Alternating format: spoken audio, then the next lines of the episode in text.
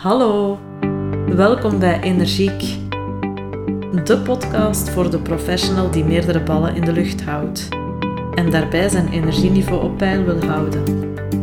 Mijn naam is Tuggy Peters. Ik ben ondernemer en coach. Gelukkig getrouwd en mama van twee puberdochters. Hey, hallo. Net als jij een bezige bij dus. En ik begeleid jou graag naar meer energie in je werk en in je leven. Vandaar de podcast Energiek. Boordevol praktische handvatten, zodat je je nooit meer uitgeblust hoeft te voelen.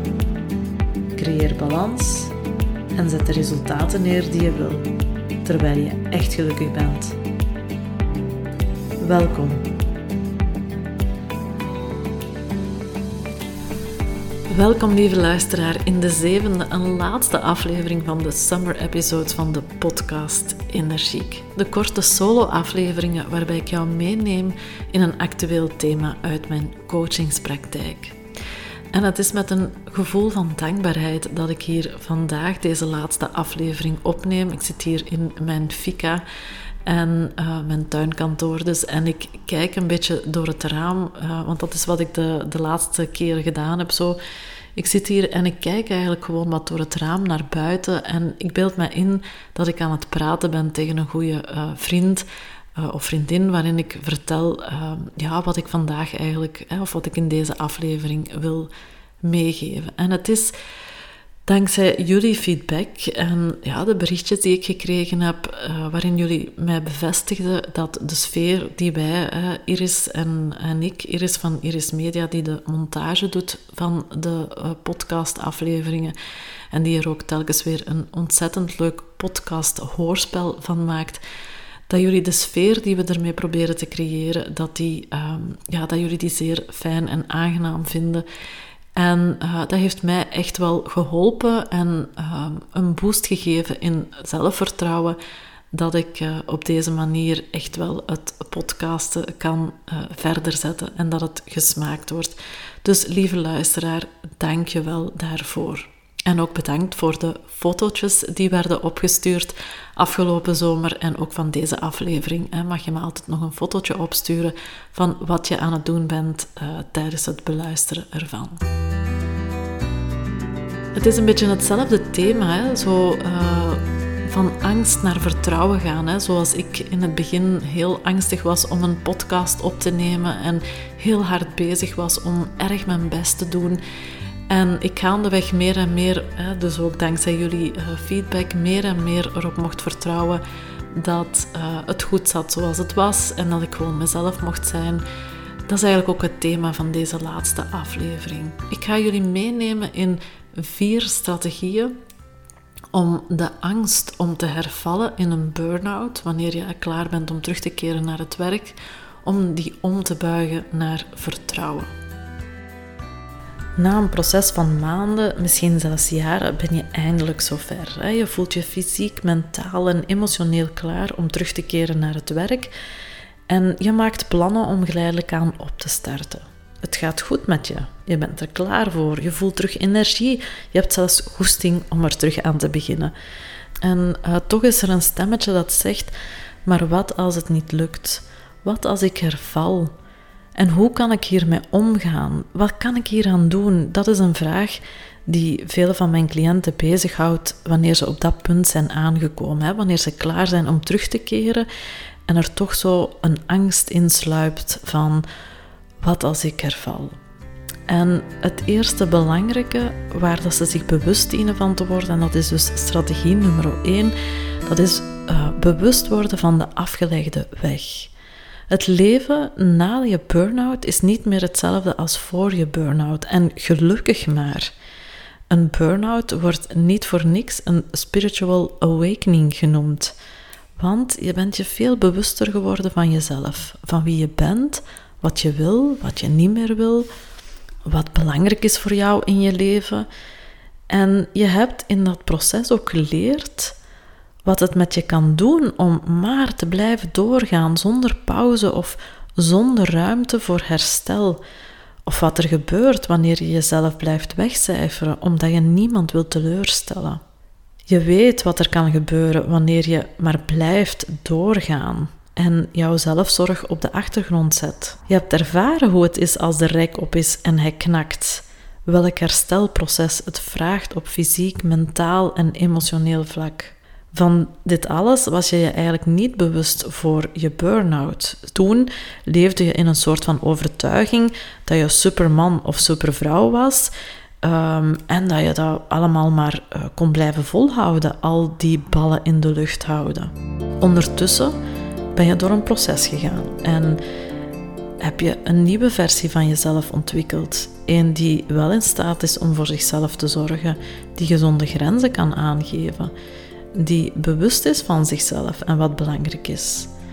Je bent terug meer en meer in contact gekomen met je innerlijk kompas, wat jou wel zal helpen op het moment dat je terugkeert naar het werk. En ik zeg dan tegen mijn cliënten: dit kan je niet meer niet weten. Je bent doorheen dit proces gegroeid als persoon en deze groei die kan je niet meer ja, uitwissen uit je geheugen. Je kan uiteraard wel eens het noorden kwijt zijn, maar dat kompas, dat heb je steeds op zak. En wat je kan doen om bewust te worden van die afgelegde weg en, en zo'n keer de foto te nemen van wie was je voor je burn-out, wat heb je allemaal geleerd tijdens jouw herstelproces en hoe ga je dit meenemen en ankeren als je terug aan de slag gaat. Dus schrijf dan een keer op. Hè. Um, noteer die ervaringen, noteer die lessons learned en maak daarvan een soort anker. Iets waar je voor jezelf telkens kan naar teruggrijpen of uh, kan vastpakken en nog eens opnieuw kan lezen op momenten dat je wordt uitgedaagd. Hè? Want onder druk van de dagelijkse realiteit, en dat hoor ik uh, vaak genoeg, hè, we willen onze klanten niet teleurstellen of onze collega's niet teleurstellen. Bij je reïntegratie start je bijvoorbeeld halftijds en je begint te merken dat je ook weer op de dagen dat je niet aan het werk moet zijn, dat je toch weer aan het werken bent. Dan is het ontzettend goed om op die momenten een keertje dat papiertje erbij te pakken van al die bronervaringen, al die lessons learned die je hebt meegenomen, om ze neer te zetten als een ankertje en tegen jezelf te kunnen zeggen van ik mag ook voor het andere kiezen. Ik mag ook kiezen voor mijn zelfzorg. Want als ik dat niet doe, ja, dan kom ik in iets helemaal anders terecht waar ik niemand mee verder help. Dus schrijf die lessons learned op, maak er een ankertje van wat je kan meenemen of dicht bij jou kan houden op de moeilijke momenten. Een tweede strategie of een tweede actie die je kan nemen is, ja, is luisteren naar de angst. Is, is luisteren naar de boodschap die de angst jou komt brengen. Het voelen van angst wordt vaak ervaren als een teken van zwakte. En wat gaan we dan doen? Dan gaan we angst liever onderdrukken. Het mag er niet zijn. We vinden van onszelf dat we het ondertussen wel zouden moeten aankunnen en dat we niet flauw moeten doen. Maar het veroordelen van die uh, emotie maakt die emotie alleen maar groter, waardoor dat de angst macht krijgt over jou. En het voorbeeld dat ik hier zelf altijd geef is wanneer ik bijvoorbeeld een presentatie moet geven, dan, uh, ja, dan ervaar ik nog altijd een vrij grote zenuwachtigheid. En uh, er was vroeger, uh, had ik dan de gedachte van, allee, ik heb nu al zoveel presentaties gegeven, ik mag toch niet meer zenuwachtig zijn. En oh, doe daar nu toch eens niet zo flauw over. Met als gevolg dat op het moment dat de presentatie begint, ik alleen maar zenuwachtiger werd. En ik alleen maar meer rood aanliep en ik, uh, mijn ademhaling korter werd. Maar als ik voordat ik aan de presentatie begin, eventjes heel bewust contact maak met mijn gevoel van zenuwachtigheid eventjes luister naar de boodschap die het kon brengen. En bij mij komt die zenuwachtigheid als boodschap brengen dat ik het eigenlijk gewoon heel goed wil doen. En dat ik een leuk verhaal wil brengen aan het publiek. En dat ik hoop dat er veel interactie gaat zijn. Dan voel ik onmiddellijk de positieve intentie van mijn zenuwachtigheid. En dat betekent niet dat de zenuwachtigheid weg is, maar ze overheerst mij niet meer. Ik kan ze hanteren. Ik kan in contact blijven met die positieve intentie en er gewoon een leuke presentatie van maken. Want angst houdt jou ook scherp. Angst zorgt ervoor dat je uh, alert bent. Want angst wil jou eigenlijk in veiligheid brengen. En dus in de context van terug te keren naar het werk, kan het concreet voor jou betekenen dat er een bezorgdheid is om je welzijn. En vraagt jouw angst om dit aandachtig te blijven opvolgen. En aandacht te blijven hebben voor het trekken van gezonde grenzen. Om niet te veel in één keer te willen, niet te veel hooi op je vork te, te nemen. En door voor jezelf te benoemen waar het echt om gaat, waar jouw angst echt om draait, kan je er ook iets mee doen. Zo had ik laatst een cliënt die uh, klaar was om terug op te starten en ja, ook geconfronteerd werd met die angst om te hervallen. En wanneer we daar dieper op ingingen, dan kwamen we uit op faalangst, hè? angst om te falen. En toen ik met hem door dat proces ging van die afgelegde weg en bewust worden van de lessen die je geleerd hebt, kwam hij voor zichzelf al vrij snel tot het inzicht van, maar ja, natuurlijk, um, ik mag ook wel fouten maken en het is net door ja, uh, wat zachter of wat milder te zijn voor mezelf en die fouten toe te laten, dat ik net veel sterker ga zijn. Het is maar door te blijven handelen vanuit faalangst en wanneer die faalangst overheersend wordt, ja, dat de kans reëel wordt dat ik terug in een burn-out terechtkom. Dus door heel bewust te zijn van wat nu precies die boodschap is van die angst, kan je ook weer in contact komen met die bronervaring die je ondertussen, uh, of die, die les die je ondertussen geleerd hebt, dat het ook wel oké is om fouten te maken. Dat je ook wel mag niet weten en dat het net vanuit dat streven is om geen fouten te maken, dat je jezelf net helemaal voorbij loopt. Dus luister naar die angst, luister naar de positieve intentie. Welke boodschap komt die jou brengen? De derde strategie is, een, uh, ja, is eigenlijk een voor de hand liggende en toch wordt die zo vaak vergeten. Maak heldere afspraken, zowel met je werkgever als met je thuisomgeving, hè, dus met je gezin. En dat is eigenlijk een stap die je te zetten hebt voor je terug aan de slag gaat. Een heldere afspraak of heldere afspraken maken met je werkgever, met je leidinggevende, waarbij je bespreekt wat voor jou haalbaar is en wat niet meer haalbaar is. Wat jij nodig hebt om aan de slag te kunnen gaan, um, wat je van je leidinggevende verwacht, welke taken dat je denkt dat uh, realistisch zijn om terug op te nemen, afspraken over beschikbaarheid buiten de werkuren of bereikbaarheid. En zie dat vooral als een soort van stap om je nieuwe zelf in de wereld te zetten. Nog te vaak hoor ik mensen die dan terugkeren naar het werk en die zeggen van ja, ik zie het wel, uh, ik wacht het wel af wat er op mij afkomt, maar mijn leidinggevende moet niet denken dat ik dat en dat allemaal nog ga doen. En voordat ze het weten, zitten ze er gewoon terug middenin. Hè? Want onder druk van de dagelijkse realiteit komen ze terug in die patronen terecht. Willen ze niet uh, teleurstellen, denken ze, ja, weet je, ik voel mij nog wel oké, dus ik kan het er nog wel bij doen. En voor ze het weten, sluipt het er zachtjes terug in. Dus het maken van die heldere afspraken is eigenlijk in essentie een manier om jezelf te beschermen. Om jezelf uh, ja, neer te zetten en niet telkens opnieuw in die onderhandeling te moeten stappen of in de discussie te moeten stappen. Het is een soort van kader dat je neerzet. Dit zijn de randvoorwaarden, dit heb ik nodig. Als we dit en dit en dit allemaal kunnen invullen, dan kan ik terug goed aan het werk gaan. Een stap die jou ook rust zal geven. Rust dat het is helder geschetst, dat die afspraken er liggen en dat je op die manier aan de slag kan gaan. Gewoon kijken wat er op je afkomt kan ook heel veel onrust geven nog, hè, waardoor de angst weer gevoed wordt. En hetzelfde gesprek heb je te voeren op het thuisfront met je partner en je kinderen.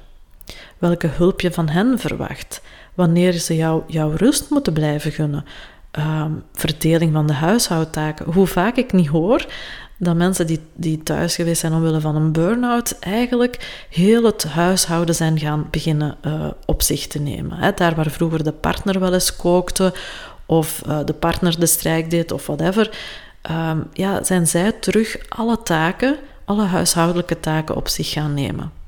En dan gaan ze terugwerken en dat stramien zet zich gewoon door.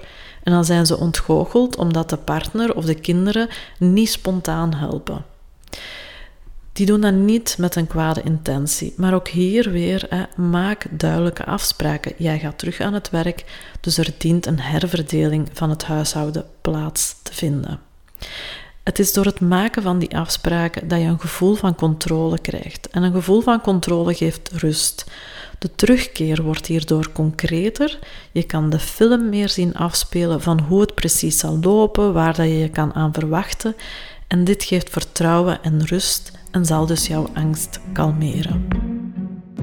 En dan de laatste, en ja, ik kom er eigenlijk iedere keer op terug, maar dat is de allerbelangrijkste, dat is wees mild voor jezelf. En eigenlijk kan je die doortrekken doorheen uh, alle voorgaande uh, strategieën natuurlijk ook. Hè. Dat is een, een dieper liggende houding, attitude naar jezelf. Uiteraard vind je het spannend om terug te keren en uiteraard ben je een beetje bang. Dat is toch normaal? Leg de lat niet te hoog, ga in acceptatie dat je met die angstgevoelens zit en kijk met mildheid. Het zal misschien ook nog niet helemaal lopen zoals je zelf zou willen. Misschien heb je nog last van ja, geheugen, concentratieproblemen. Um, ben je nog snel moe? Je zal misschien collega's teleurstellen omdat je ja, gaat aangeven van nee, dat gaat me niet lukken. Maar dat is het pad dat je te volgen hebt. En heb dus ook niet de verwachting van jezelf dat je terugkeert naar die oude, onuitputtelijke zelf. Je hebt immers net geleerd dat die onuitputtelijkheid niet zonder nadelen is. Dus wees mild voor jezelf. En een manier om dit te oefenen is Stel dat het jouw beste vriend of vriendin is die op dit punt staat, hè, die net door een proces van burn-out uh, is gegaan, die een moeilijke periode heeft doorstaan en die klaar is nu om terug te gaan werken. En die van alles meemaakt op het werk. Wat zou je tegen hem of haar zeggen? Hoe zou je, uh, welk advies zou je die persoon geven? Welk advies zou je je beste vriend of vriendin geven? Wat zou je gunnen aan hem of haar? En kan je dit ook voor jezelf? Kan je diezelfde mildheid ook aan jezelf geven? Want van je vriend of vriendin zou je niet verwachten dat het allemaal perfect moet lopen. En die goede vriend of vriendin zou je absoluut gunnen om wat vaker nee te zeggen tegen de omgeving. Dus gun jezelf evenveel als dat je die goede vriend of vriendin gunt. Dit waren ze, de vier strategieën om uh, je angst om te buigen naar rust en vertrouwen. Sta jij ook op het punt om terug te keren? Ervaar jij ook die angst? Heb je hulp of begeleiding nodig om de reïntegratie naar je werkplek aan te vatten? Of om helder te krijgen wat je precies wilt en welke afspraak je wilt maken met je omgeving? Wil je met vertrouwen terugkeren naar de werkplek? Schrijf je dan in voor de workshop terugkeren naar het werk na burn-out. Deze gaat door nu op 30 september. Is het oktober of november? Uh, terwijl je deze aflevering aan het beluisteren bent, geen probleem. Ik herhaal deze workshop elke maand de laatste vrijdag van de maand. Dus check www.energy-coach.be, ga naar de kalender en uh, daar kan je je aanmelden voor deze workshop. Heb jij meer behoefte aan een individueel traject? Neem dan zeker ook contact op twiggy.energy-coach.be. En dan wil ik jou heel erg bedanken voor het luisteren naar deze en misschien wel meerdere afleveringen van de summer episodes van de podcast Inner Chic. En uh, ondertussen borrelen de ideeën bij mij al op voor een, nieuwe reeks uh, korte solo-afleveringen.